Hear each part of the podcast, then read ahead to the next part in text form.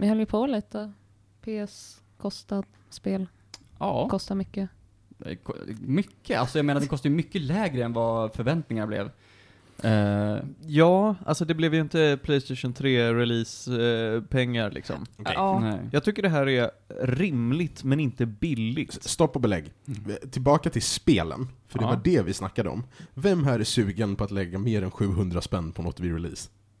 Nej. Nej, Jag köper aldrig spel på release. Nej, precis. Vem här kan tänka sig att ens lägga 700 spänn på ett spel? Det ska verkligen vara dunderrätt spel då. Det är superhypat. Och gärna ska det ingå lite annat smått och gott. Mm. Jag tror inte, jag, jag, har, jag har köpt två spel till min Switch. Mm. Det är Animal Crossing och Mario Kart. Mm. Jag la inte, alltså jag la inte fullpris på något av dem.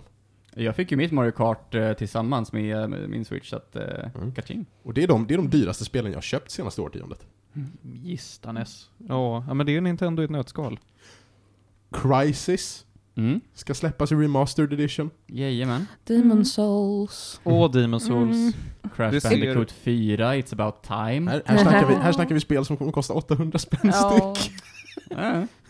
Nej, alltså jag kommer ju köpa dem om några år. Jag menar, det finns fortfarande spel som har varit ute på marknaden nu länge som är värda att spela som man inte har gjort ännu. Det, var, Mm. det tyckte jag var lite kul. Uh, Devs till Crisis Remaster sa ju det, de bara det finns inte ett enda, ett enda grafikkort i existens som klarar av att maxa det här spelet. De har, de har, bara, de har gått in, för det första har de uppat grafiken till modern standard, och sen har de gått in, och sen när man går in på liksom bästa grafikläget, då stänger den av alla optimeringar. Men, eh, men 3090 har inte släppts än. Vad sa du? 3090 har inte släppts än. Nej, det, det är sant. Mm. Där har vi också en prissättning vi kan prata om. För Ja. folk har ju gått bananas över den, och jag Mm. gick inte bananas. Jag Vänta. tyckte så här, det här är bra, men inte billigt. Ja, och sen så blev det en scam. Har, vänta, vänta, vänta. Har, har priserna på 30-serien gått ner? Nej. Nej. De har gått Nej. upp. Alltså, så här. Av någon anledning, så, för det är bara 3080 som har släppts hittills, Ja. så har de gjort som så att det är vissa grafikkort som just nu kostar precis under 8000, men efter 16 oktober så kommer de höja till, ja, 9.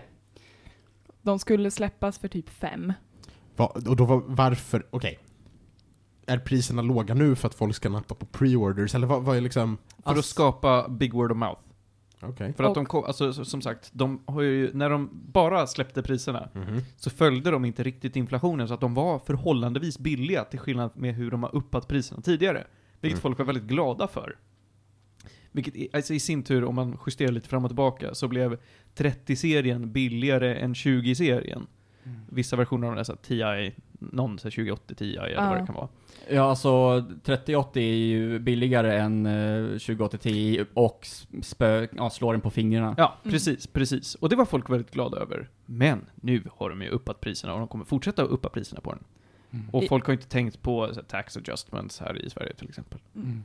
Eh, I USA så släpp, skulle den ju släppas för 399 dollar. Den ligger just nu på 1500 dollar på vissa butiker. För att det har varit så stor demand för det. Och inte, alltså det, det supply har inte eh, matchat demand. Men Självklart vänta, vänta, inte. vänta. F- 1500 dollar, alltså retail. Ja. Ja. What? ja. Beroende, på, beroende på vilka stater du är i så har de rätt att göra så. Det är ju, det är ju scam. Liksom, ja. Ja. What the fuck? Men det, alltså det är ju, de kör ju Nintendo-strategin av artificiell, Mm. liksom att ah, men vi har inte nog med grejer för att de släpper sakta nog. Ehm, så att de kan hålla priserna uppe även om de säger att de hade låga priser i början.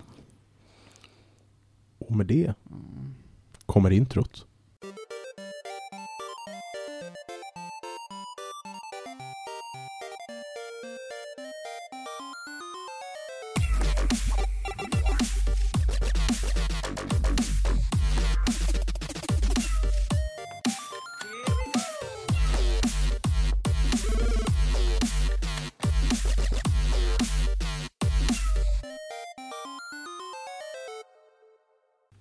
Lyssnar på säsong 8 av Medis Radio Trendigt Värre, avsnitt 57, podcasten om all typ av möjlig industriell ekonomi inom tv-spelsbranschen.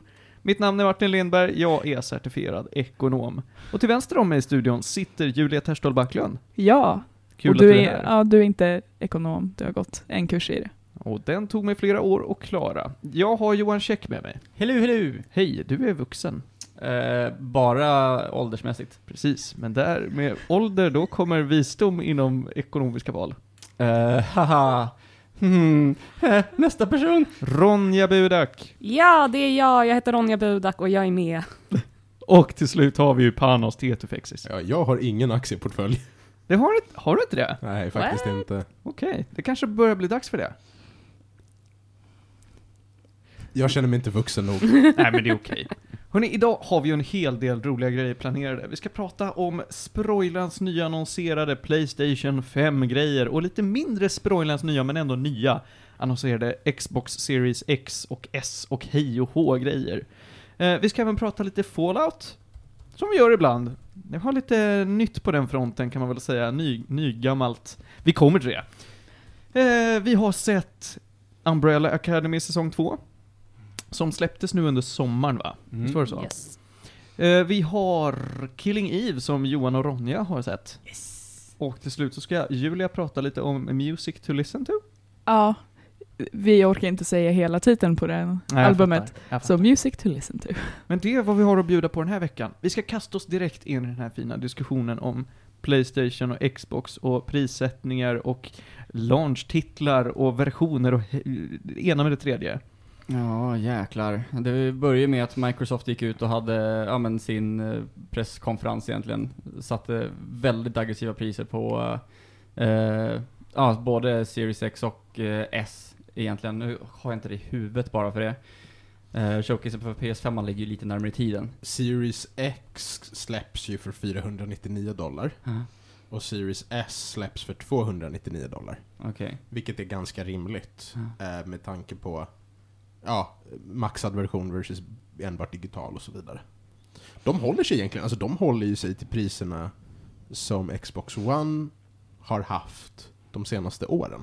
Mm. Mm. Och det är ju ja, men hyfsat rimligt också för att men S är ju man ska säga, bara full HD och eh, X 4K för de vill, som vill köra liksom den maxade prestandan egentligen. Vet inte hur många som har sådana TV-apparater i dagens läge men, och, men PS4 de, de kör ju på 4K fullt Mm. ut på båda versioner. Så är Där kostar de ju ja, men 499 för Ja, med CD-läsare då, och 399 för bara digital. Blu-ray-läsare om jag får vara med.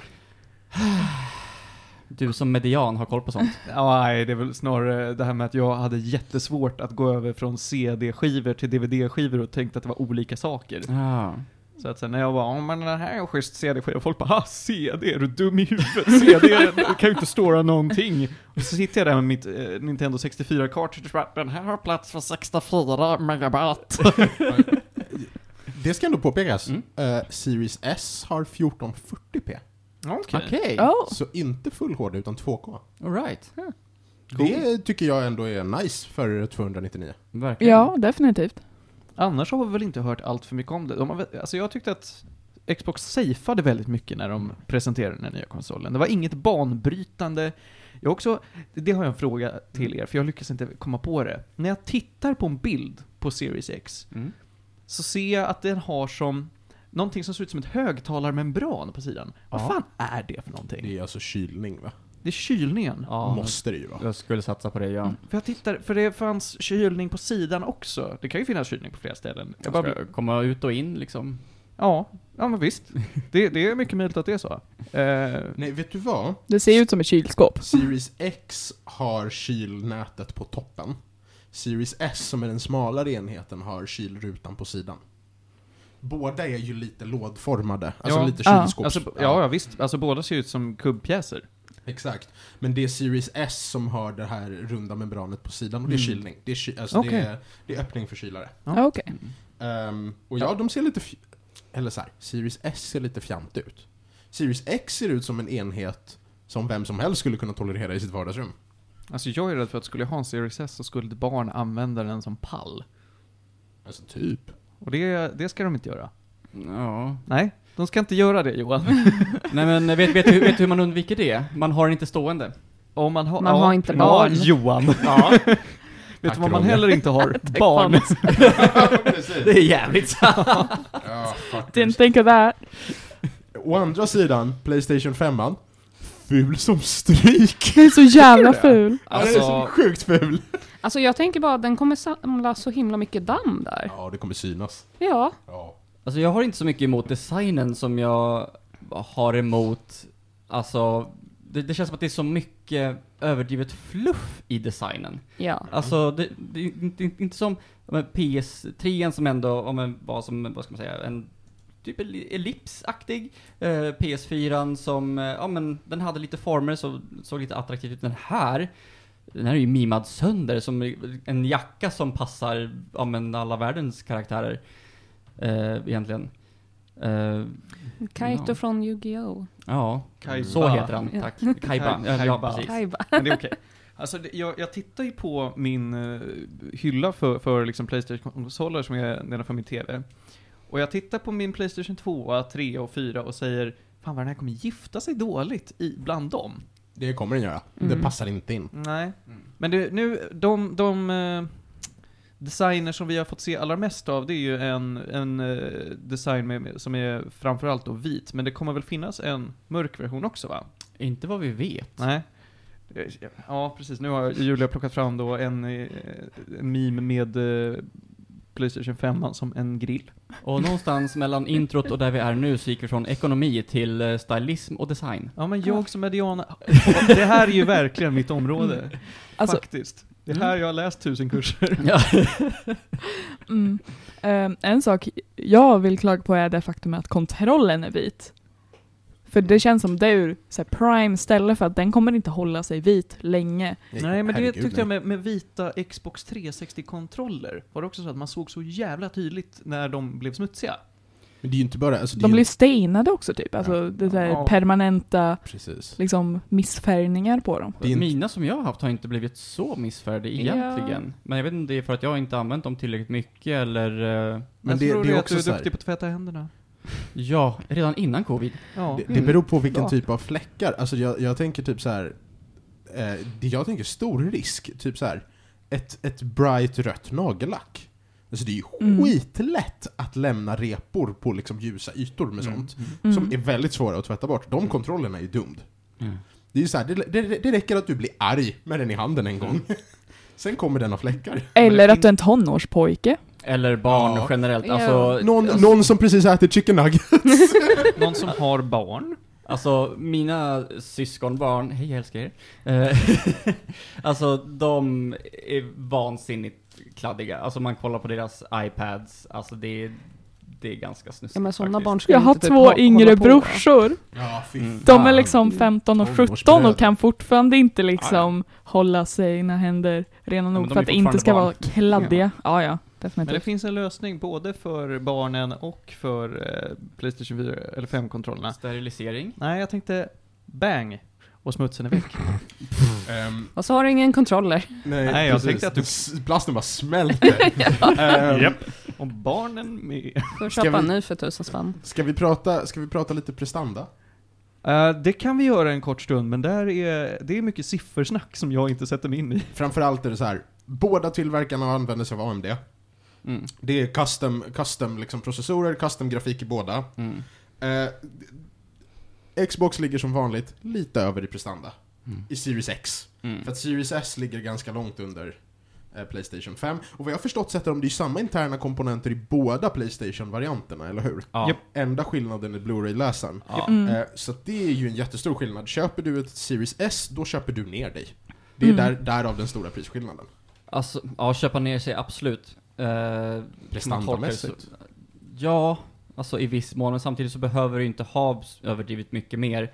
Det som är kruxet, vad jag har sett lite grann från, eh, ja men, eh, vissa eh, utvecklare är att det är skitsvårt för dem att skala ner till Series S. Ja. De, de kan, mycket svårare att, eh, ja men, när de har tre, ja men egentligen, vi säger tre konsoler då, som eh, kör, kan köra 4K och sen så kommer eh, Series S i 1440p.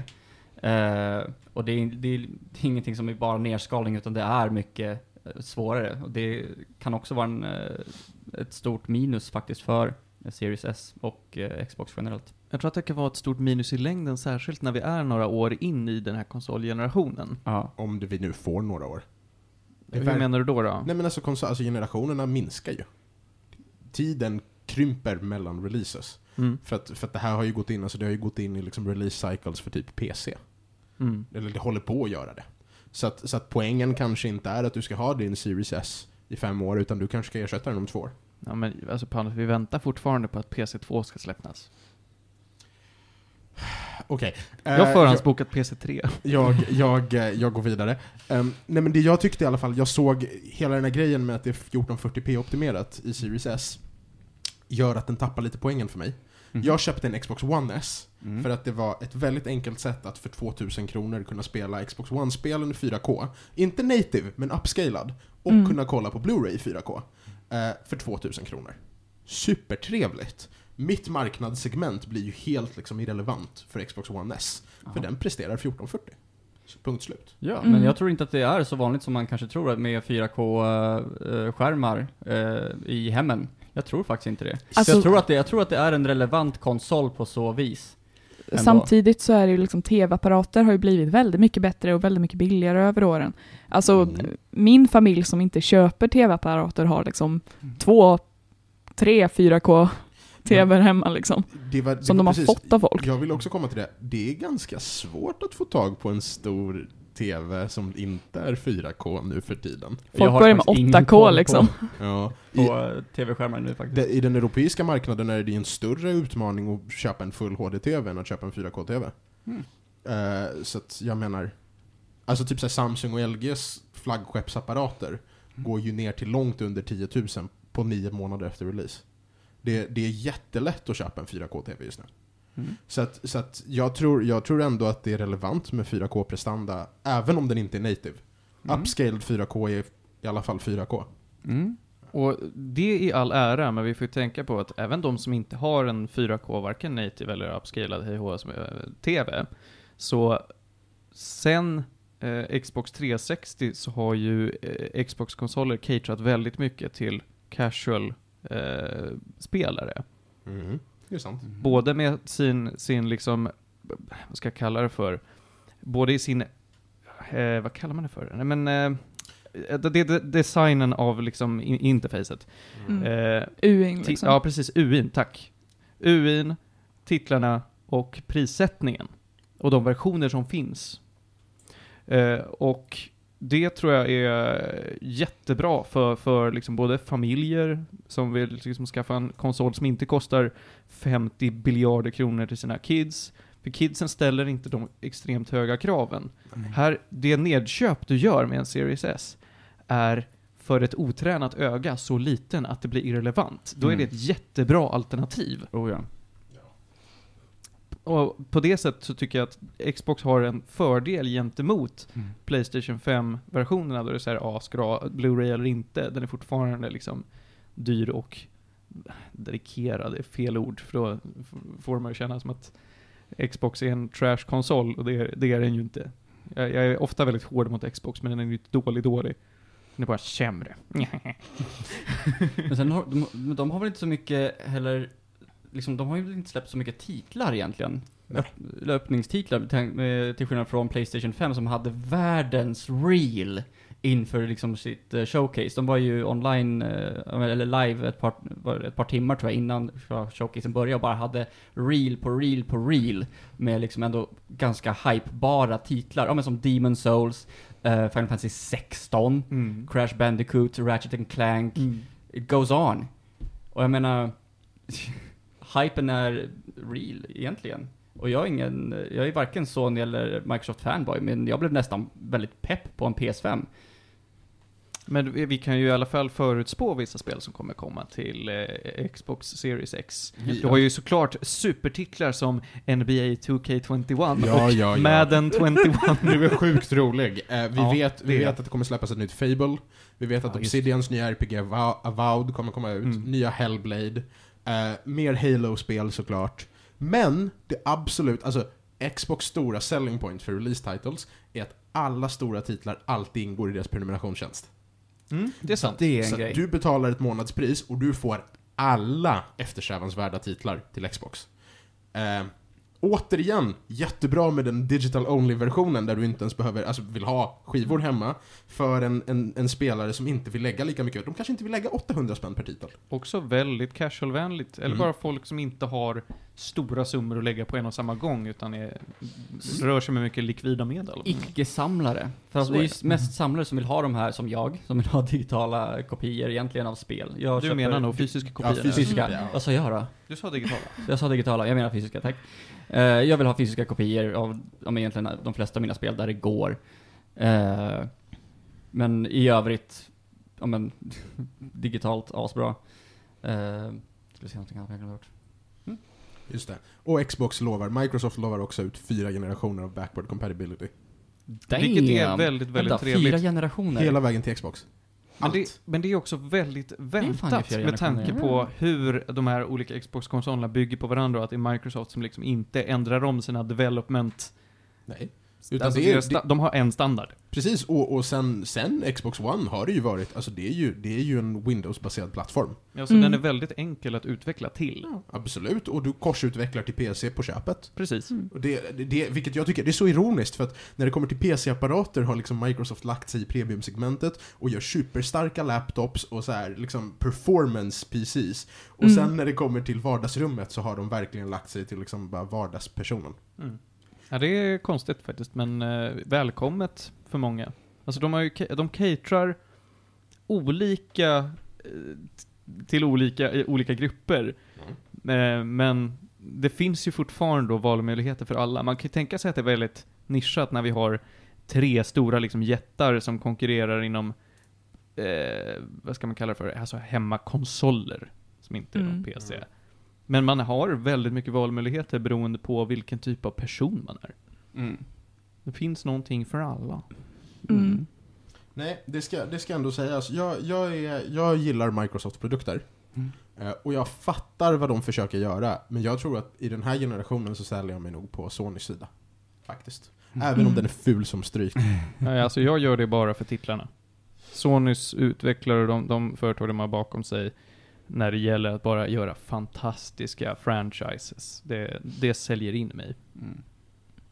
Mm. Men vill jag ha jättebra third party HH, då skulle jag ju välja en Xbox antagligen. Bara för prisets skull. Ja, och, Och, för sen, backwards compatibility. sen, sen är det väl värt att komma ihåg att allting som kommer till Sverige kommer ju... Alltså vi har ju lagringsskatten, vi har kemikalieskatten. Eh, räkna med minst en tusenlapp lagd på priset på exakt alla av de här produkterna. Ja. Vårt råd, köp inte på release för att skona er plånbok. Ja, nej. Hörni, ska vi ta och gå vidare från eh, konsolsnacket nu? Ja. Vi, har, vi har en busy schedule. Yes. Det är nämligen så här va, att vi rör oss från nytt och fräscht till apokalypsen va. Vi ska prata Fallout igen. Mm. Den här gången så har jag nu under sommaren spelat väldigt mycket spel, och spel som har förföljt mig sedan många år tillbaka. Och ett av de här spelen, ett av de sista spelen som förföljer mig och eh, retas konstant, är ju då Fallout Tactics Brotherhood of Steel. Ett Mm. förjävla dåligt spel. Notoriskt dåligt spel. Mm. De har, det har sina fans, Mm. men fan vad det är framförallt då långsamt. Jag personligen tycker ju inte om de första Fallout-spelen, alltså ettan och tvåan, i hur det spelas. Alltså settingen, fantastisk, manuset, jättebra, det, det är väldigt intressant, men det dras ner enormt över hur långsamt och klankigt det är. Både att röra sig, hur combaten fungerar. Men det var inte samma utvecklare som ettan och tvåan va? Det är det till en väldigt stor del. De har Okej. tagit in lite annat folk. Men det är i stort sett fortfarande Black Isle Studios heter de va? Ja, jag kommer inte ihåg vad de heter, men ja. Ja, visst, Nej. Fallout Tactics är utvecklat av Microforte.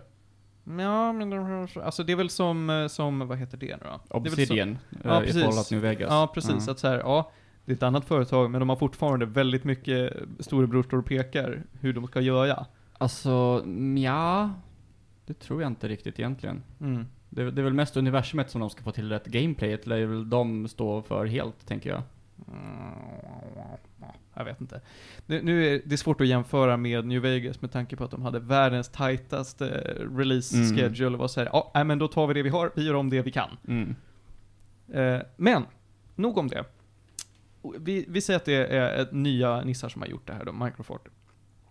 Och det här spelet är, alltså det har en story. Du spelar som eh, en eh, Paladin vill jag inte kalla det för, men en sån här initiate som till slut blir en Paladin, spoiler, spoiler, Mm. i The Brotherhood of Steel, a.k.a. tekniknazister. Bara tekniknazister i eh, fyran. ja, ja men de, ja. Jag vet inte, jag har tänkt så här, både Brotherhood of Steel och The Enclave är ju väldigt lika i hur de ser på vad, vad världen ska göra. Okej, men om du tänker att Enclave är lite mer som Coop, Mm. där de är ett kollektiv, Mm. och Brotherhood of Steel är mer som ICA, där varje butik är sin egna ICA-handlare. Mm. Det, det är en väldigt bra jämförelse. Ja. Sen är det så du, att har du ingen... spenderat mycket tid på att tänka på det här? Nej, jag kom på det här bara nu direkt. Jag har jobbat på ICA. Jag har också tänkt att den största skillnaden är ju att ingen annan får ju handla på Coop. Mm. Det, det är så här, ja, har du varit Coop-medlem från början, är du del av familjen, då är du välkommen, annars så ska du döden dö. Mm, typ så.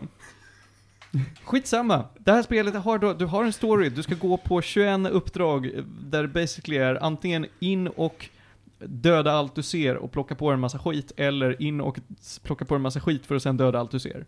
Ah, 2001. Ja. Quest-variation. Ja, visst. Mm. Det är eh, inte lika kul manus. Det är någorlunda faktiskt, eh, ska jag kalla det för, optimerat för att det inte ska vara ett RPG, utan mer av ett tak- en taktisk shooter.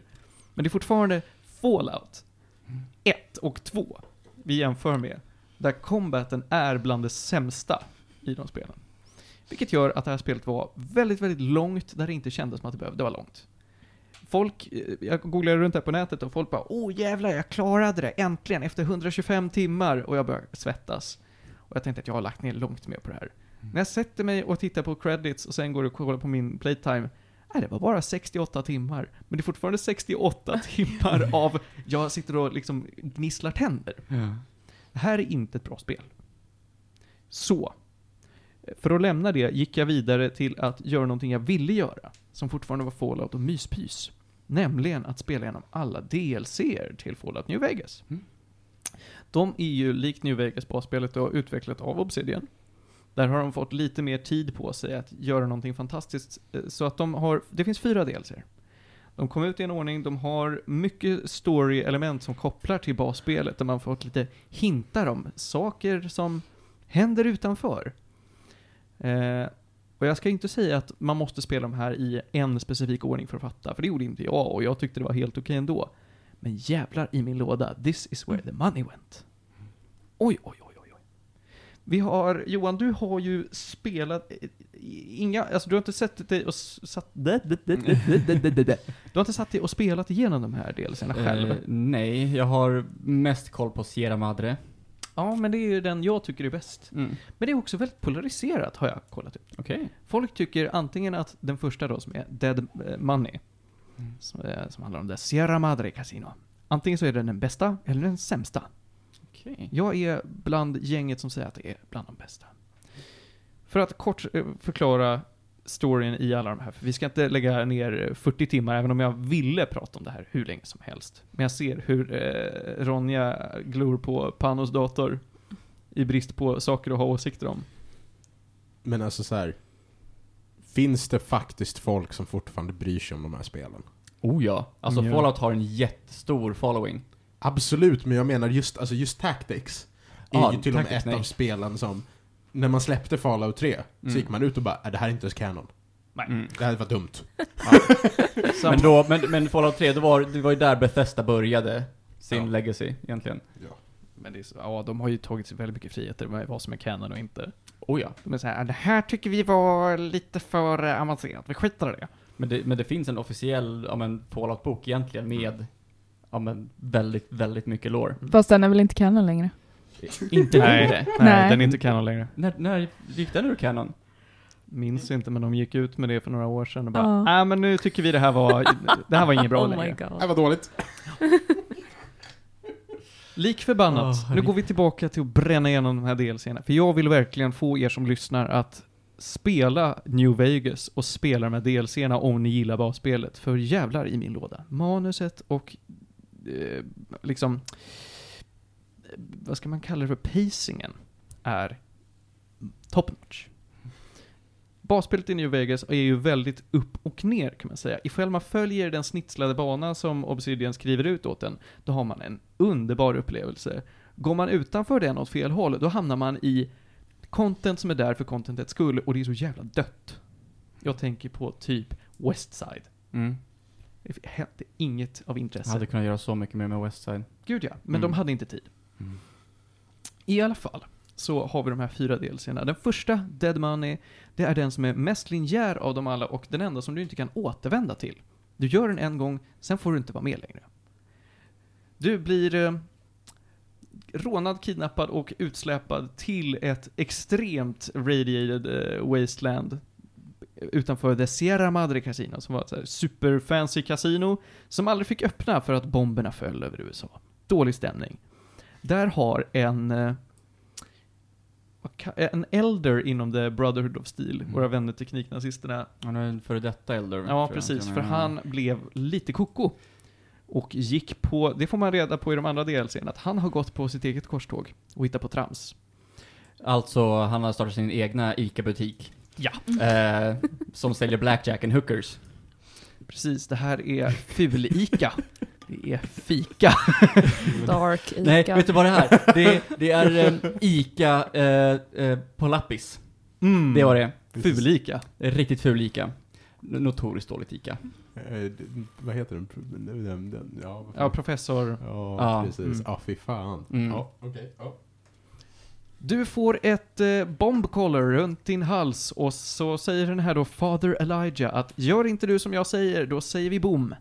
Och du och några andra, ni ska göra en heist, ni ska bryta er in i kasinot, komma in till mitten av den och eh, fixa treasure åt mig. Och om någon av er dör, då dör ni alla, för jag har länkat de här eh, halsbanden. Och eh, ni, ni är sjukt kompetenta nissar. Och då ska man då samla ihop sitt ragtag-team av andra nissar som då har råkat hamna här. Är de sjukt kompetenta? Nej! Nej. Nej, nej, nej, nej, nej. De är ju sjuka i huvudet. Både bildligt och bokstavligen. Vi har Super Mutanten Dog slash God, som är en eh, right. Nightkin med eh, alltså multiple eh, personality disorder. Så att vi, vi har eh, Dog som är lite av en så här, lite korkad supermutant, följer mycket det man ska göra åt sig. Eh, Säger åt den och ifall man, eh, ja, eh, indoktrinerar den här till mycket så byter den personlighet till God, som är en väldigt, väldigt kompetent person. Men med onda intentions. Mm, fortsätt. Fortsätt. Jag, jag Ja, tänker ja. bara, jag får bara, jag får bara så här intensiva känslor av Suicide Squad. Mm, ja men det kan man säga.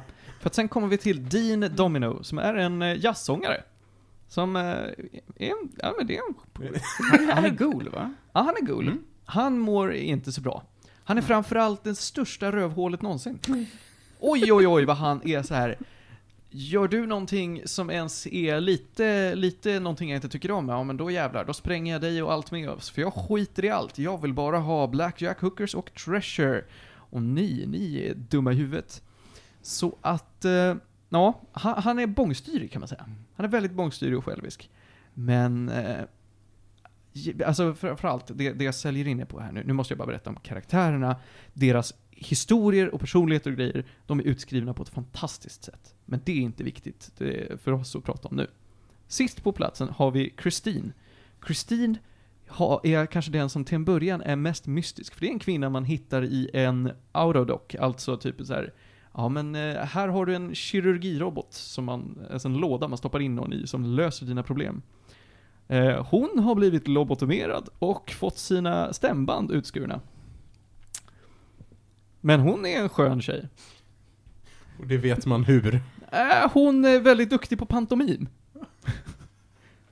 och det är lite det. Sen får man veta allt möjligt spännande om henne, hur hon relaterar till de andra karaktärerna och grejer. Tänk dig pantomim i den grafikmotorn. Mm. Det är det jag inte vill. Nej, det finns, inte, alltså det finns ingen pantomim. Det är bara ett manus som säger eh, hon gör det här medan hon bara står och nickar typ och skakar på huvudet. Står så här, ja men hon eh, slår en bakåtvolt och börjar eh, skriva hela texten till All-Star med Smash Mouth i luften. Med, medan då hennes karaktärsmodell bara liksom rör lite på sig. Som låter som en gobbo från Croc. Visst. Mm.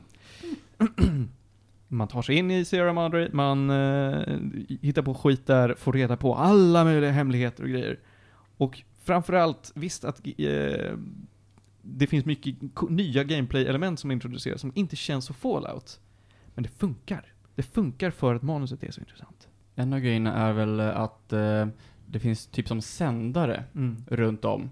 Eh, som gör att du, du får inte riktigt gå out of bounds. Eh, men du kan eh, ta sönder de här sändarna för att kunna ja, men, ta dig vidare egentligen. Mm. Det är Väldigt eh, inte fallout. Mm. Väldigt coolt. Tyvärr är det ju så att eh, den här jävla... Eh, eh, vad heter den? Morrowind-motorn. Som de fortsätter till, till och med Fallout 4. Var det fortfarande det Morrowind är då? fortfarande Morrowind-motorn. Var det inte, okej, Nej, right. de har inte bytt. Det kommer Mm. vara Morrowind-motorn i Elder Scrolls 6 också. Oj. Morrowind-motorn är alltså från typ 2001, tror jag. 2000. De har alltså samma fucking motor som de bara optimerar lite grann. Använt då för att utveckla de här jävla spelen. Så det märks hur gammalt som gatan det är. Skitsamma. Det, jag tänker inte spoila mer om Dead Money, men jävlar vad bra skriven den är. Sen kommer vi till eh, eh, Honest Hearts, som är den kortaste och mest ointressanta tycker jag. Mm. Den berättar en historia om eh, en av Caesar, som är en av, ska man säga, skurkarna. Det beror ju på hur man ser på det. Alltså, grejen med Caesars Legion i New Vegas är att det, det är verkligen en klockrent, alltså det, det går inte att inte hata dem på Mm. något vis, vare sig man lierar sig med dem eller inte. Därför, om, man, om man spelar som en kvinnlig karaktär så går det inte att, men, vad, vad det, att alliera sig 100% eller att inte komma upp till 100... Nej, det är att du inte kan eh, bli litad på till 100%, men du kan ju Ja. fortfarande göra allting. Ja, precis. Det är bara att du är kvinna, twi. Ja. Skitsamma, man hatar dem. Det är, en, det är en faction helt enkelt. Man får veta lite mer om en karaktär som hintas mycket om i den här factionen. Så det berättar hans historia. Det går undan. Och sen är det bra. Den är inte lika väl utskriven. Jag tycker den är den sämsta för att de introducerar ganska mycket coola koncept. eller De hintar mycket coola koncept, så händer det bara inte så mycket mer. Det är ganska tråkigt. Du, eh, du åker till eh, en paradis canyon. Eh, där det visar sig att, ja men vad fan, eh, Livets Ord har hängt där. Livets Ord mår inte så bra för att det är en massa primitiva människor som har gått tillbaka till motsvarande stenåldern. Som kommer och skär skalpen av dem. Mm. Caesars gamla trotjänare som visar sig vara en Livets Ord-kille säger men det här är problematiskt. Vi vill ju ha kvar våra skalpar. Vad ska vi hitta på? Och så löser man det. And that's the DLC. Okej. Vidare till eh, Old, Old Mountain Blues, tror jag den heter. Old World Blues heter den. Den är för mycket för att prata om i det här avsnittet. Det, det, jag kan inte säga det. det. Du åker till, du blir teleporterad till en bergskrater där alla världens smartaste scientists har samlats för att eh, utveckla skit. De har satt sina, eftersom att bomberna föll så satte de sina hjärnor i robotvats och ska utveckla skit. Och eh, de börjar bråka sinsemellan och du ska lösa det. Du får väldigt mycket bra buffar, historien är lite cool i sig kanske, men den är wack.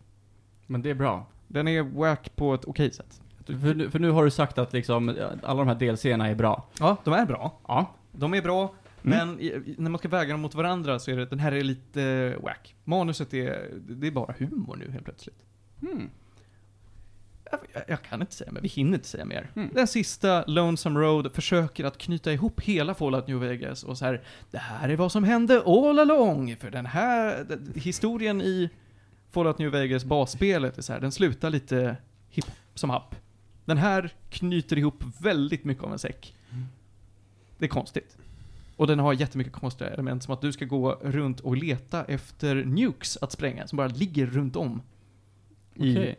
I en... Det, ja. finns, det finns inte ens ett megaton. Nej, Nej. Det- Det... Vänta, jag var helt övertygad när vi fortfarande pratade om Tactics. nej.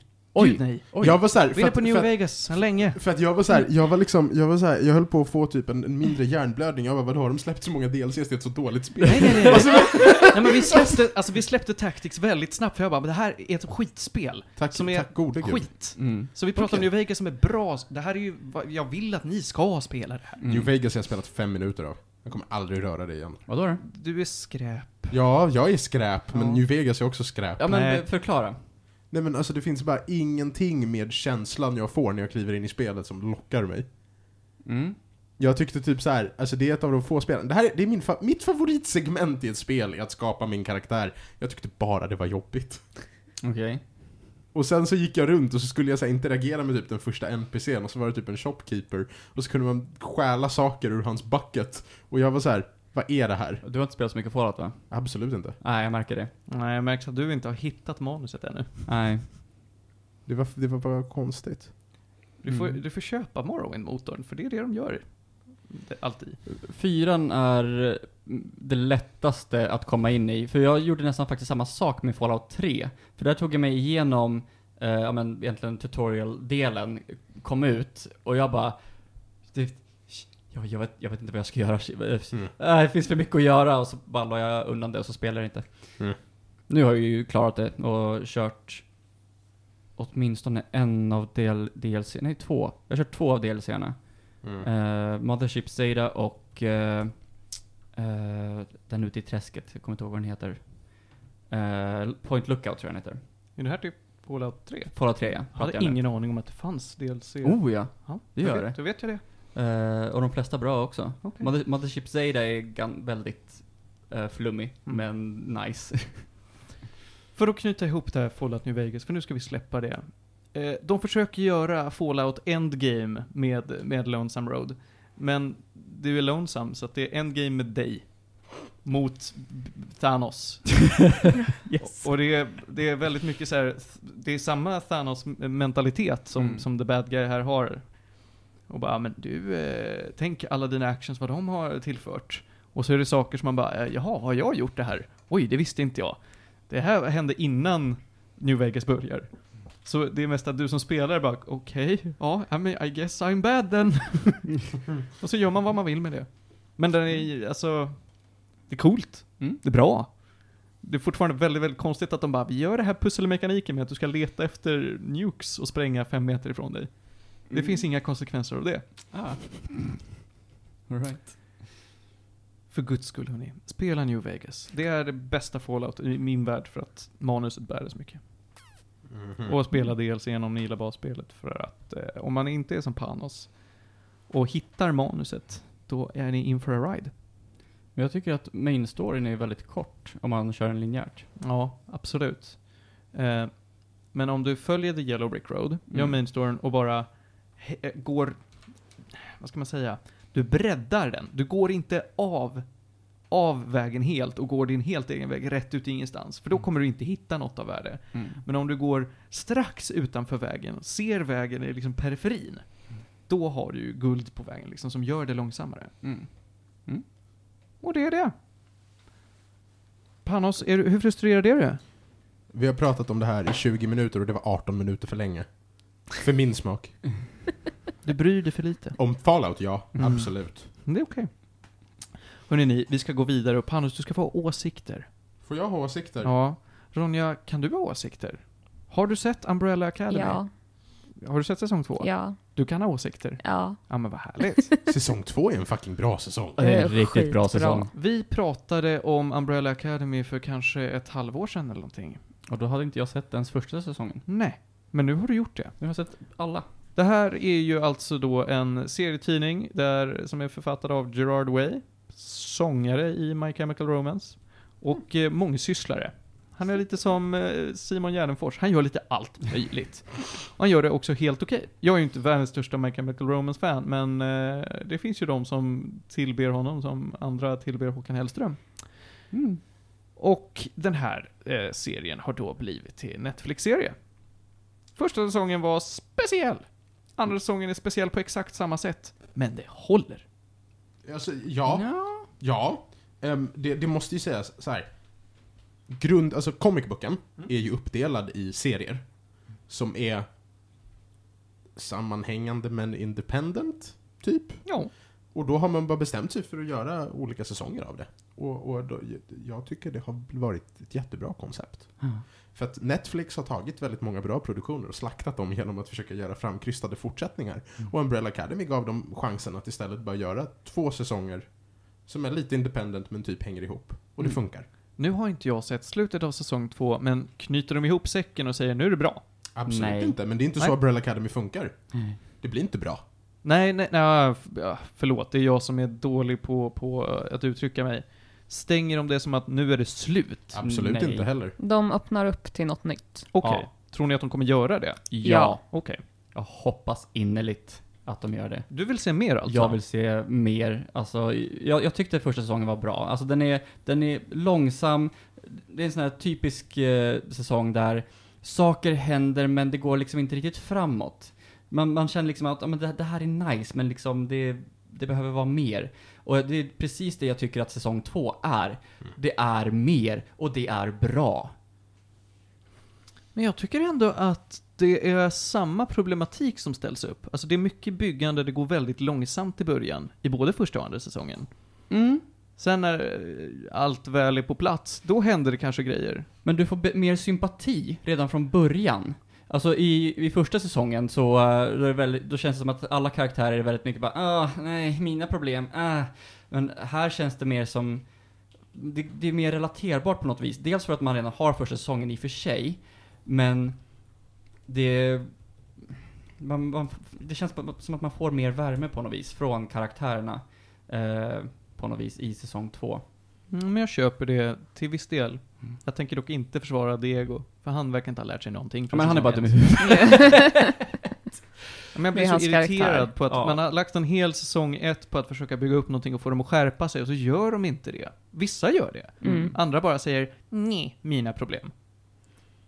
Ja, Men jag men tycker alltså, det, blir, det blir mindre av det i alla Mm. fall. Ja. Och sen så är flera av karaktärerna har ju faktiskt gått vidare lite. Och sen så Mm. kanske de ändå så här äh, ramlar tillbaka in lite på det mer. Men i nya situationer. Mm. Och det, det är ju mänskligt. ja.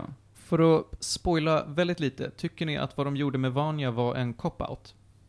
Eh, hur menar du cop-out? Mm. Eh, Ett väldigt lätt sätt att eh, ändra problematiken från säsong ett. Alltså eh, att, att ta bort alla konsekvenser från det och börja om på nytt. Både ja och nej. Mm. Alltså, jag, jag tycker som så att, ja men, lite grann ja för att det var bara såhär, ja, ja, tjoho, nu finns inte problemet längre. Men samtidigt så, eh, sättet som de la upp problematiken i säsong två kändes också bara så här. yeah, ni, ni flydde problem, från problemet, but not really. Jag vill bara påpeka att i serietidningarna så är, alltså har The White Violin eh, amnesi i början av omgång två. Mm. Ja, det, ja, är liksom, det här är, det, det är så det ska vara. Ja, men det absolut. Men det är ju någonting jag kritiserar Gerard Way för. Inte någon serieskapare på Netflix. Ja, men så här, jag antar, jag antar att det var ett bra sätt att lösa det på i och med att serien släpps i liksom series. Alltså comicbooken släpps ju i series. Så att det var väl enklare att bara börja den nya serien, alltså säsong två, host host, med att, du vet, knyta upp vissa lösa trådar på ett billigt sätt. Mm. Och, så får man, och så får man ta ikapp det genom att ha, göra bra story resten av tiden. Typ. Ja, men det Vilket tycker, jag tycker de gjorde. ja, men det, tycker det tycker jag Ja. också. Jag har ju som sagt, jag har inte sett hela säsong två. Mm. Men jag tycker att, ja men de berättar ändå en intressant historia. Mm, så jag får väl köpa att de, de gjorde en väldigt billig lösning. Mm. Lavendel. Ehm, jag, jag, det också, det ska påpekas, det finns ju en Series 3, Hotel Oblivion, redan i comic book form. Ehm, och man planerar släppet av en Series 4 som kommer kallas Sparrow Academy. Mm. Eh, och, och frågan är vad säsong 3 på Netflix kommer handla Oh om. god. Oh Det god. måste... Oh. Yeah. Så att, eh, ja, äh, men... ehm, det, det, är mycket som, det är mycket som kan hända. Jag tyckte i alla fall, jag tyckte det här var en fantastisk säsong för Klaus. Klaus i mitt fucking hjärta. Jag vet, helt självklart den bästa karaktären av dem alla. Ja. Jag tycker Five. Five är Han fantastisk. Alltså, är men så alltså- jävla bra. Men det är också, alltså den, alltså den skådisen, alltså han Ja. är så helt fantastisk. Lillkillen. ja! Men fortfarande Klaus. Eh, Jag tycker han är too much alltså. Klaus? Ja. Varför det? Alltså framförallt i säsong ett så är han alldeles too much. Men Jag han får en väldigt, väldigt bra payoff, Mm. payoff Mm. i säsong ett. Mm. Jävlar. Men jag ännu inte i säsong två så tycker jag han har... eh, Jag tycker han är too much där med. Men du som ändå sett, du har ju sett Misfits. Nej. Du har inte Jag har det? sett Nej. den. Du har sett Misfits? Ja. Klaus. Det, det är han. Ja, det är det. Ah, han är så fantastisk där. Ja. Så rolig. Det, han spelar ju lite liknande karaktär, men Mm. alltså de är, man kan fortfarande separera dem från varandra, Ja. vilket är tacksamt. Eh, men uh, han gör ju det så jäkla bra. Ja. Ha. också en serie som rekommenderas, kan ta det någon annan gång. Det är många skådespelare från Game of Thrones där också. Eller en i alla fall. Ramsay. Ja, exakt. I Misfits? Ja, och Ja, han, spelar en, ja, Mm. han spelar en helt annan karaktär där. Och det är så weird att se. Verkligen, helt sjukt, men han gör det så bra Ja. i båda rollerna. Ronja, nu, jag är så nyfiken. What say you om Umbrella Academy? Vad är det som har fångat dig mest? Alltså det är en bra serie liksom. That's basically it. Den har liksom superhjälte och sånt där men det faller inte in i uh, superhjälte-gimmicken. Det är liksom familjedrama och dysfunktionalitet och grejer och alla försöker fortfarande förstå sig själva efter att de haft den här jobbiga barndomen med sin typ psykopatpappa. Mm. Och eh, alla karaktärerna, basically, de är så bra, de är så uh, tredimensionella. Och det, då snackar jag inte bara om uh, ett till fem, utan vad heter de? Hans, Greta och... Hazel? Alltså, ja, det var Hazel ja. och Greta. De var jätteroliga och jättebra. Och fick ju sin egna lilla serie. Jag tycker verkligen om The Swedes. Ah. Du gör det? Jag hatar dem.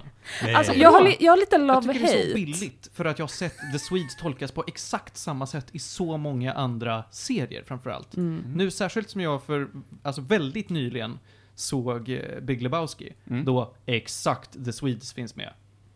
Och Ja. sen Dude Where's My Car, när norrmännen är med, och det är exakt samma gäng. Det är en trio med svenskar som är jättekonstigt porträtterade svenskar. How I Met Your Mother. Det, jag har inte sett den så Ah, mycket. Sven. Där, ja, men, men då, då Sven. pratar de som tyskar. Ja. ja, men det är Peter Stormare-konceptet liksom. Det är bara någon som ska komma och vara lite konstig på sitt eget sätt för att vara, jag är svensk och jag har väldigt tajta kläder på mig och Men- är mm, lite men det- sådär. Det som är så... Nu, Ja, men nu, typ. nu har inte du kollat klart på säsong två, men det som är så himla vackert med The Swedes Mm. är att liksom, man penetrerar inte konstigheten vidare. Deras Nej. karaktärer får inget utrymme. Nej. Nej, men det får... De är, bara, de är bara konstiga på avstånd, och det gör mig så glad, för att Mm. det är så här, det förstärker verkligen humorn kring hur de är konstiga. Ja. Uh, Olga Foroga. Olga Foroga. Jag köper inte. Ja, nej, jag tyckte det var kul. Ja. Ja. Och det är också, det är det, det är att så här, Umbrella Academy behåller verkligen sin comic book aesthetic även Ja. i serien. Ja. Så att man bara ser så här, ja det här är, det här är en kliché. Ja, jag tar det. Mm. Jag tar det. Och så går man vidare. Man behöver inte, man behöver inte vara arg Martin. för att det är inte, de, serien tar inte sig själv på allvar. Mm. Nej. Jag fick, från säsong två fick jag väldigt mycket vibbar av Dirk Gently. Ja, huvud- också lite det. Mm. Men för, alltså, om vi tar bort eh, det jätte, jättekonstiga manuset, som, Mm. alltså, som gör att Dirk Gently har en väldigt kul humor. Jag har bara sett säsong ett där i och för sig. Ja, men det är den jag tänker på allra Mm. mest. Säsong två eh, är, är som det är. Mm. Men eh, om, vi, om vi tar bort Dirk Gently-manuset för att den är skriven så att karaktärerna pratar på ett väldigt konstigt sätt. Så kände jag väldigt mycket vibbar mellan Umbrella Academy säsong två och Dirk Gently. I hur, alltså hur karaktärerna utvecklas och förs omkring och hur ett mysterium presenteras och sen är det upp till karaktärerna att samtidigt som de löser sina egna problem lösa Mm. ett och samma mysterium. Det var väldigt, väldigt likt. Och jag tyckte det var en bra grej. Mm. Det kändes som att, ja men, jag sitter med en massa frågetecken, men jag vet lite hur de i längden kommer att lösa det. Mm. Jag känner mig trygg i att vara ovetandes. Mm. För det, känd, det kändes mer kaos i Dirk Gently kände jag, men här kändes, var det liksom mer lugnt tempo i eh, hela det ja, men scenariot med att lösa sina egna problem och det, och det kommande. Eh, men ja, Men det, jag är är med de, det är två serier som fokuserar på helt olika saker. Liksom. Mm. Det här är ju en ren dramaserie, och Dirk Gently är mer ett mysterium med wacky shenanigans. Mm. Coinkydinks. Exakt. Men ni är väldigt nöjda alltså? jag, var inte, jag var inte beredda på att ni skulle vara så nöjda. Se klart. Från vad, från vad vi pratade om i, i vår gruppchatt så lät ni eh, till och från lite mer skeptiska. Oj, Tyckte ja, jag. Det, oj, det var inte min mening. Jag tror du projicerar. Nej, jag, har, jag har inte sagt någonting om det. Jag hittar inte på, sätt inte ord i munnen som ingen har sagt. Alltså, det, det, det enda jag kommer ihåg att jag sa, det var var i typ bastun jag dör. Ja. Men alltså, ba- Ja, nej. Ehm, det, här är, det här är faktiskt en, en av Netflix-produktionerna eh, jag längtar vidare till. Cool. mm. Ja. ja. 100 procent. Ja, men då, då har vi ju ingen anledning att inte rekommendera den här serien till de som lyssnar. Eh, Absolut. Jag, jag tänker ge säsong, jag ger säsong två åtta starka gäddor. Är det så här bi- deffade gäddor verkligen? Nej, det är deffade gäddor. De här- De här gäddorna har gay, först bulkat, sen deffat de senaste två åren. Ronja? Mm, sex eller sju? Ja, Johan? jag får väl ge den något och en halv guldfiskar.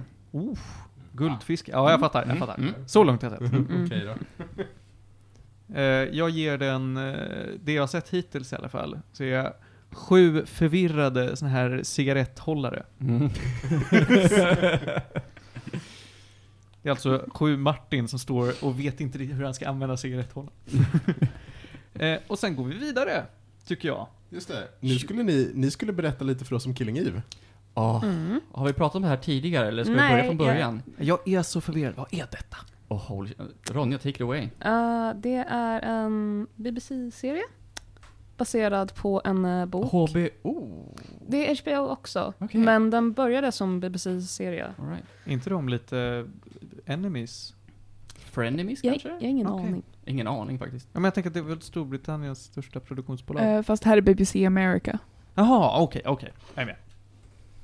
Yes, och det är baserat på en bok som heter Codename Villanelle av Luke Jennings. Och eh, då har vi Sandra Oh i huvudrollen tillsammans med Jodie Comer. Comer, precis. Yes. inte det hon som är nya Grey. doktorn? Nej, du tänker på, och vad är det hon heter?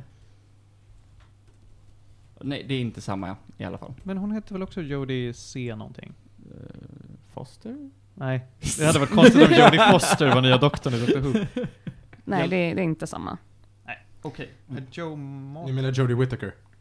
Det tänker jag. Det Tack. är den nya Förlåt, doktorn. förlåt, förlåt. Mm. Jag ska inte avbryta. Mhm. Och eh, serien handlar om eh, Eve som jobbar för MI5 och har ett eh, typ kontorsjobb där, men hon är väldigt smart och vill göra mer. Och eh, sen så finns det en eh, assassin som eh, är vältränad, hon lever väldigt eh, luxuriously och älskar sitt jobb och jobbar för någon hemlig organisation. Rysk. Eller, eh, organisationen vet fasken om, hon- om den är rysk, men hon är ryska i alla fall. Mm.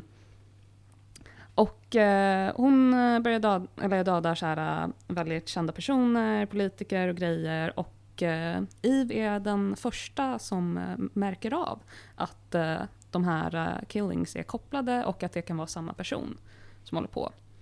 Och eh, sen så blir de här två typ obsess med varandra så blir det typ en liten eh, cat and mouse game. Det börjar ju lite grann med att eh, Eve blir lite för eh, eh, obsessed över att ja, men det är samma person, så hon får egentligen sparken från, eh, från sitt jobb, men blir upplockad Mm. av eh, en annan chef på MI5. Jag har att det är också fortfarande MI5. Ja, som är så här lite högre uppsatt. Precis. Som har då en egen hemlig grupp som då är specifici- specifierade mot just, eh, ja men, inte just, just mot eh, Villanelle då, utan mot eh, hela det här nätverket då, underground-nätverket. Så, eh, ja.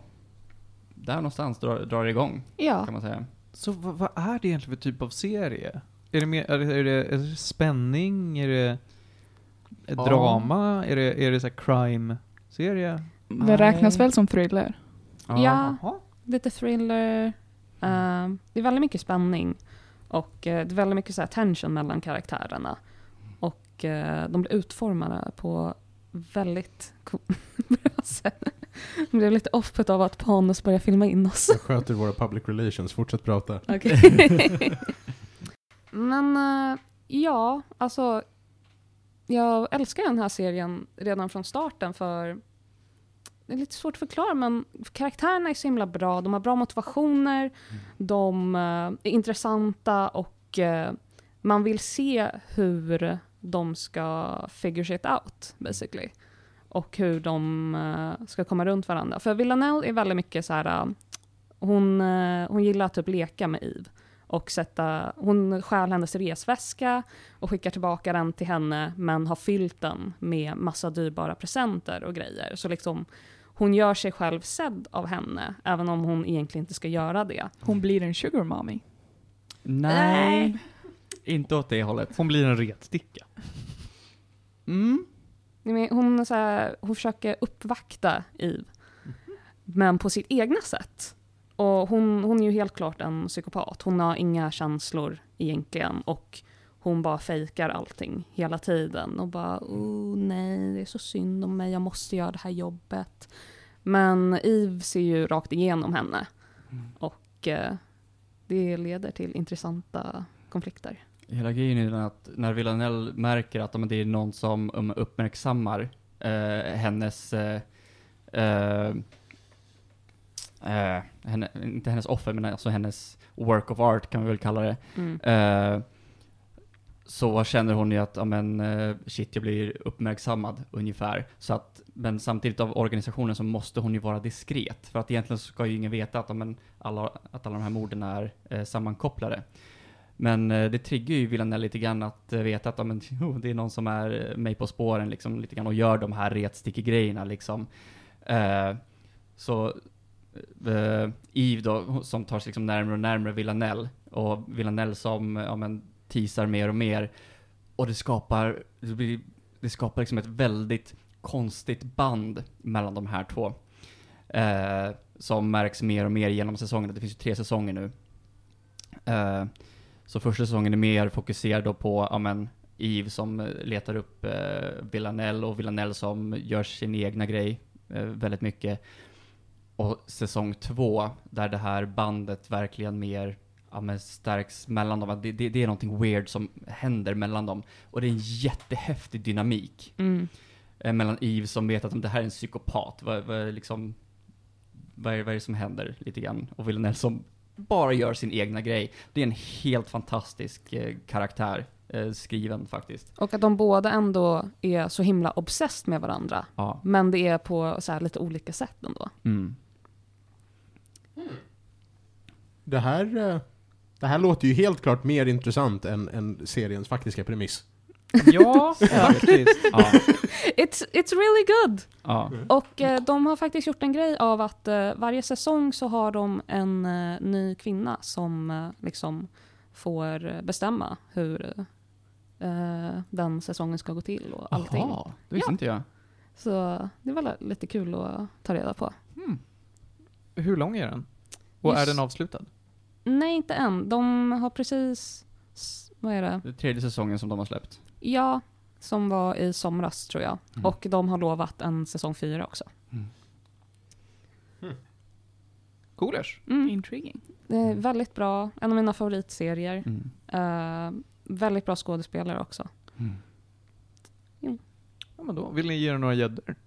Ja, så kan lätt ge den eh, nio. Ja, jag tänkte precis på det. Ja. 9 av 10. Shit. Coolt. Kanske man ska kolla in.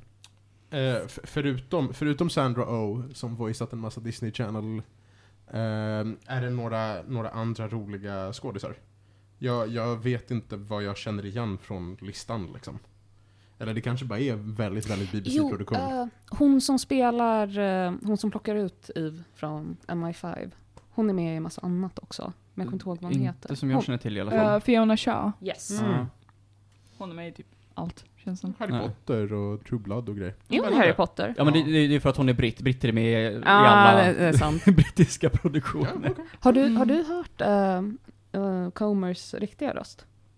Eh, jag tror att jag sett henne på Edward Norton show. Jätteweird. Det är så weird, för hon kör alltid Mm. accent i serien och hon Mm. gör det så bra. Det, ja, det, det är en av de konstiga, eller eh, mystiska grejerna med, eh, med den karaktären. Att hon är från Ryssland men hon vägrar prata ryska. Och det utforskas liksom senare, hennes Mm. bakgrund och grejer. Men hon, hon är ju en, en uh, lönnmördare. Och Mm. eh, alltid när hon pratar med sin vanliga röst, då är det rysk accent. Annars så kan hon göra fransk accent jättebra, eller brittiskt. Och det, det är så Ja, hon, alltså hon pratar ju alla, alltså hon är ju typ en kvinnlig, eh, vad heter han, Christoph Waltz Jaha. I, i språk. Eller upplever jag det som när jag kollar på serien i alla fall. Ja, alltså, varje gång Christopher Waltz öppnar munnen så vill jag ju höra en ny accent från honom. Liksom. Mm. Han är så duktig. Ja. Ja, men hon, eh, ja, men hon gör ju samma sak för att hon måste göra det för att hon är lönnmördare och liksom åker till massa Ja, olika länder liksom. Coolt. Yes. Ja men härligt då. Eh. Killing Eve. Yes. Mm. Var ser man den här serien? HBO. HBO. Coolt. Måste bara fråga, vem är din favoritkaraktär? Alltså det måste ju typ vara Eve och Villanelle. Jag, vet jag älskar Eves uh, husband också. Ja, nej. Jo. Nej. Men han är så bra! ja, Och trevlig. men nej. Det, det, det är samma Sandra Oh som i Grey's Anatomy. Ja. Ja. Wow. Jag har- hatar hennes karaktär där, älskar den här. Ja, alltså jag, precis, jag känner bara hat för Grey's Anatomy. Ja. Men eh, vad vad kul, vad kul att hon får spela något bra då. Mm. ja. Eh, min favorit är Konstantin. ja. Han är great. Han är så great. Eh, jag, har, jag har sett på en annan serie på Netflix också, Bron. Och eh, Mm. han är med i den. Va? Och han spelar svensk. What? Nej, dansk. Danskman. Vem är, vem, vem är ni i bron? Eh, Eh, Finns bron på Netflix förresten? ja. Jaha, jag har bara tittat på den på Eh, SVT. finns också Young Wallander. Ja men det, den har jag sett. Wallander. Ja, den är på engelska. jag, jag, jag är så skeptisk. Jag bara, det där är väl svenskt? oh my god, han ska spela Vesemir. Hä? Jaha! Jaha! Eh, han, eh, Kim Bodnia, som spelar Mm, Konstantin, Ja. kommer spela Vesemir. Vem är det? Det är ju Witcher. Aha, Witcher. Jag har inte spelat Witcher. Men Ah, Okej, Nej, men, okej. det är serien. Jag har inte tittat på Witcher. Nej, nej men... Jag har däremot köpt eh, Witcher 3 Ultimate Edition, jada jada, jag ska spela igenom den någon gång. Ja, Nice. När du har så mycket tid. Eh, nej. Ah, Okej. Men jag, han spelar tydligen Martin Rode i Bron. Jag vet Mm. inte vem. Röde kanske? Mm, röd. Ja, jag det. Ja, Jag- ja, jag vet vem det är. Jag, Ja. I don't negotiate with the Danish. Nej Hörni, men det var jätteweird att se honom poppa upp där och så här, inte snacka ryska. Mm. Så, Nu hörni ni, nu måste vi ta och gå vidare till dagens sista punkt. Och Julia, du har alltså lyssnat på Music to listen to.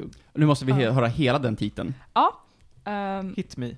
music to listen to, dance to, blaze to, pray to, feed to, sleep to, talk to, grind to, trip to, breathe to, help to, hurt to, scroll to, roll to, love to, hate to, learn to, pl- uh, plot to, play to, be to, feel to, breathe to, sweat to, dream to, hide to, live to, die to, go to.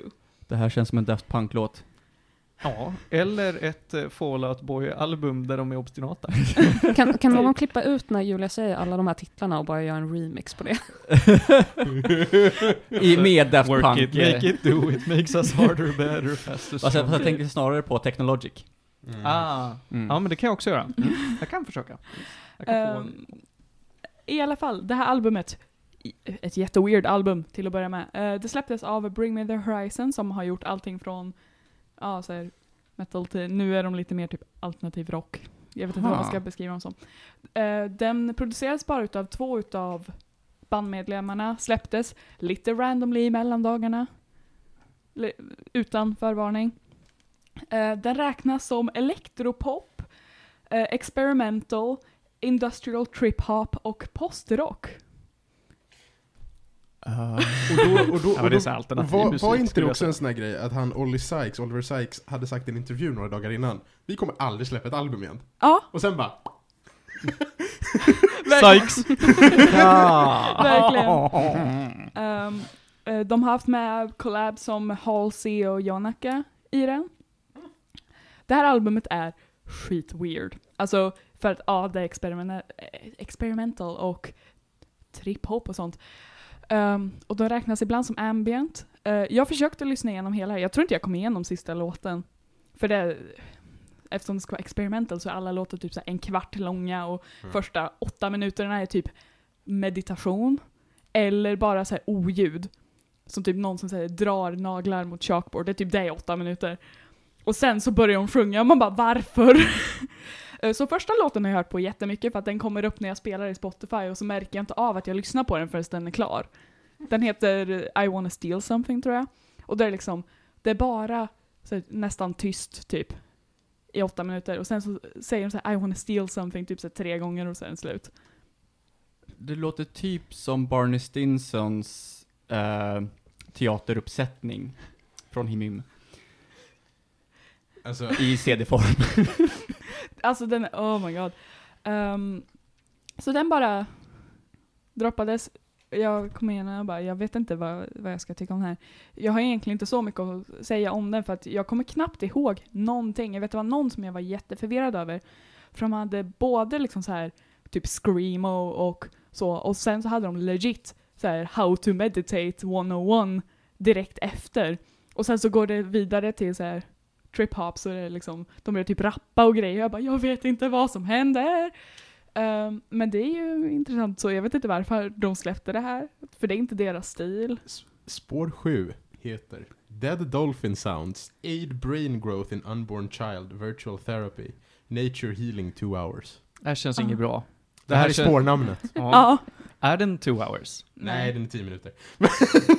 Fucking bamboozled. like seeing spiders running riot on your lover's grave. Alltså det här känns Den är rätt mer okej. trippat än hela Beatles tripp-period. Det är Ja, verkligen så här, Sammanslaget. de har varit på någonting när de eh, gjorde den här. Alltså, Kan de ha varit på Happy Pills, vilket är den låt som du har spelandes just nu på Spotify? Satt han där på intervjun och bara, vi ska aldrig släppa någonting igen. Underground Big, inom, vad heter de, klamrar, Head full of Hyena sammanskrivet, 24 minuter. och sen, Är, jag är- är låten 24 minuter? Ja. Oj. Alltså jag blir lite mörkrädd. Och jag, jag vet, jag är, jag tycker det här är modigt. Ehm, de har liksom en som är såhär Candy Truck slash you, ex, eh, you expected colon lab your result colon green. En som bara är massa så här random bokstäver, så står det Fitionacka. Eller tecken rätt sagt. Så de har så här plus, minus, de har eh, paragraf, tecken. Det är, ja. Eh, Jag, jag minns när det fortfarande, jag minns när jag tyckte att det var kontroversiellt att Childish Gambino släppte ett album med bara timestamps som, Ja, det var förra som sångnummer. Mm. Och, ehm, ehm, ja, det här är något annat. det är kul. Mm. Och det är intressant för att det de har släppt innan, alltså de har ju gjort eh, eh, någon låt till Death Stranding för att de älskar, Hideo Kojima. ja och Hideo Kojima älskar dem. så de är lite såhär partners in crime. Ja. Ehm, men de släpper alltså mer såhär screamo, alltså grovling om såhär metal och rock och sånt. Och sen så kom det här och de bara Hej då! Men, men okej, låt, låt säga nu. Jag, jag har inte lyssnat på jättemycket Bring Me The Horizon. Jag har lyssnat på lite grann, det som var populärt när det liksom var Mm. eh, Mm. mainstream. Ehm, låt säga att jag gillar att lyssna på konstig musik. Borde jag lyssna på det här? Eh, alltså jag lyssnar ju oftast inte på konstig musik. Ehm, men det är verkligen så här. man kan ju uppleva det så här en gång, men som sagt jag tog mig inte igenom det för det var typ, jag somnade och så var jag tvungen att ta så här olika sessioner. Jag bara okej nu ska jag försöka lyssna på det här. Och det var svårt. Det var väldigt svårsmält. Men som sagt, det är experimental så är det verkligen så här de bara gör grejer i typ en timme. Och så är det bra sen. För det här är ändå, jag, jag är lite imponerad, för det här är Bring Me The Horizons andra album under 2019. What? De släppte ett album som heter Amo Ja. i början av 2019. Och det albumet är bra. Ja, I like that album. Nej. Fast det är, också, det är väl också ganska mixed bag, alltså väldigt, Ja, kanske inte så här mycket då. nej, där så är det så är folk har olika åsikter om det, men det är fortfarande ändå rätt tematiskt likadant genom det albumet. För det har jag också lyssnat igenom så här back to back. Grimes är med. Oj. Ja. Det, det är fett weird. Eh, men ja, det här var verkligen så här out of left field så kommer de bara ah, men nu ska vi släppa det här, bye! Och så släpper de någon som heter Parasite Eve efteråt som är tillbaka till sina rötter nästan. Man bara okej, vad händer? Parasite Eve Johan. Ja, det är ett spel. Det är ett spel Mm-mm. som jag någon gång kommer spela och prata om. Jag med. Mm. Den låten är bra. Julia, vill du ge det här några gäddor? Uh, ehm, alltså, som sagt, det är verkligen inte my cup of tea.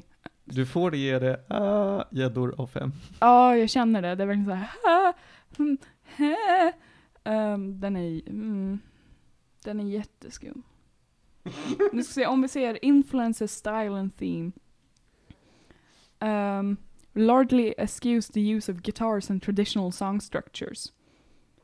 Ehm, Okej, jag, jag, och det är liksom, det här skapades medans de producerade Amo. un, alltså medan de spelar in de låtarna så producerar de det här samtidigt. Mm. Okej, så här. Jag, jag avlägger ett löfte här och nu. Jag kan inte ge er tidsintervall på till när, men jag ska lyssna igenom det här albumet och återkomma. Mm. Gör för, det. Att, för att det här låter som precis rätt typ av destruktivitet för, min, för mig just nu. Kommer du tillbaka och är liksom gråhårig till nästa gång, då vet vi vad som har hänt. Precis. Hörrni ni, vi ska ta och avsluta dagens avsnitt. Mm. Jag vill nämna två grejer innan vi går in på tre snabba, som förvirrar mig. Alla tjejer på Tinder, ett, ser ut som min lilla syster och två, lyssnar på Brockhampton. Åh, Brockhampton. Ja, Brockhampton är så är jävla det? bra, men det känns så jävla konstigt för Tinder-tjejer att lyssna på Brockhampton. Nej men Brockhampton har blivit lite mainstream. Ja, man verkar Ja. ha blivit det. Spännande. Ja. Ja. Eh, det var en annan grej, men jag kommer tillbaka till den. Jo, just det. Eh, har ni märkt att helt så här sneaky sneaky så har Netflix släppt säsong 4 av, eh, fan heter den där jävla serien nu då? Nu har jag glömt bort det. Eh, 13 Reasons Why. Vänta va? Oj. De släppte ju säsong 1, den var både hyllad och eh, alltså ris och ros. Mm. Säsong 2 var mycket så här, oj, ja okej, nu verkar ni bygga på det här och försöka förlåta er själva, det gick inte jättebra. Säsong 3, what the fuck? Och nu säsong 4, varför? Jag har inte sett den ännu, men jag är så skeptisk till mer av det här. Nej, De har, ju ba- alltså, de har ju fått så mycket mothugg att det känns som att, nej men nu får ni ge er. Oj, den droppade mitt i juni. Eller hur? Mm. Och ingen sa Mitt i någonting. ingen sa någonting. Jag har bara kollat upp, vad fan, alltså, fyra säsonger? Var kom ni ifrån? Mm. Jag ska se det här och ha åsikter. Nej men alltså, Men jag, inte Riverdale. nej det ska jag inte Aldrig göra. Riverdale. Nej men aldrig Riverdale. Jag klarar inte av alltså det Riverdale. fin- jag, jag gräver ju i brunnen ofta, men ju, me- ju mer jag hör Ronja liksom säga Riverdale, desto längre ner i brunnen kommer det. Brunnen blir djupare varje gång Ronja liksom viskar Riverdale i mitt öra. Archie goes to jail. Archie gets attacked by a bear. Okej hörni, nu tar vi tre snabba och tackar för idag. Först, så Panos, du har en snabb och vill prata om en låt som heter Genghis Khan. Av Mike Snow. Med två i. Med två i. Det är inte ens en nyhet, det är bara en väldigt bra låt och en väldigt härlig musikvideo. Sen så vill jag, jag vill inte rekommendera, utan jag vill ifrågasätta nya Netflix-serien Hoops. Som är gjord av Ben, som spelar en roll i New Girl. Vad är det han heter? Jaha, den där. Det är i alla fall Ja. inte värre än Cuties, Nej, som släpptes på Ben Netflix Hoffman? nyligen. Ben Hoffman, ja, precis. Han spelar någon roll i New Girl. Eh, han, han gör huvudrollen, jag tror att han också är så här eh, huvudproducent eller regissör. Det här är en sån här serie som försöker vara lite dark humor alla både Family Guys cutaway humor och försöker låna mycket av sån här, ja men vill jag vara lite Paradise PD, vill jag vara lite F is for Family, den landar ganska platt. Jag rekommenderar inte den här serien. Det Jag känns, såg, ju, kän- känns ju lite tråkigt. Ja, för jag satt och bara, men för fan, det här kan bli någonting liksom. Jag, jag har inga höga förväntningar. Men jag skrattade inte. Jag såg verkligen hur krystade skämten var. Bara, nej. Nej, alltså jag fattar, ni försöker vara lite edgy och göra något kul av det, men det blir, det blir bara platt. Ja, ja. Ben Hoffman skriver faktiskt både för New Girl och för Archer. Ja. Så att man har annat att se om man vill, om man vill kolla. Mm. Ja. Ja, men det lyckas bättre i Archer än här. Men det är också att Archer har sin säregna stil. Den här har ingen säregen stil. Den är bara tråkig. Den känns som en rip-off av typ alla andra liknande sådana. Ja. Säger jag som, jag tycker verkligen inte om den här stilen på, Nej men du har ju Serier. sett mig se det här. ja, Och du har ju sett hur oimponerad jag är av det här. ja, Mm. och hur extra oimponerad jag är för det är så här, nej. Nej, den, den har ingenting. Den har varken karaktärer eller charm. Eh, och till slut då, så eh, veckans spel, det ger jag en så här lukewarm rekommendation att spela eh, revampade Doom från 2016. Jag brände igenom det på en kväll och var såhär, ja, det här var Doom. jag vet inte varför jag förväntade mig mer. Jag var inte begeistrad. Men de som gillar ett snabbt och någorlunda hjärndött first person shooter, give it a go. Och med det avslutar vi avsnitt 57 av eh, Medis Radio. Va? Vi gick igenom mycket idag eh, i o- kvartalsrapporten. Mm. Vi hoppas att eh, avkastningen blir högre till nästa period så att vi alla kan få en liten årsbonus. Välkomna tillbaka nästa avsnitt för projektionerna kvartal 1 2021. Bra möte hörni. Tack så mycket Julia. Tackar, tackar. Johan. Ja. Ronja. Tack för idag. Panos. tack, tack. Och jag heter Martin och jag är en kul kille. Puss och kram och nyp i stjärten.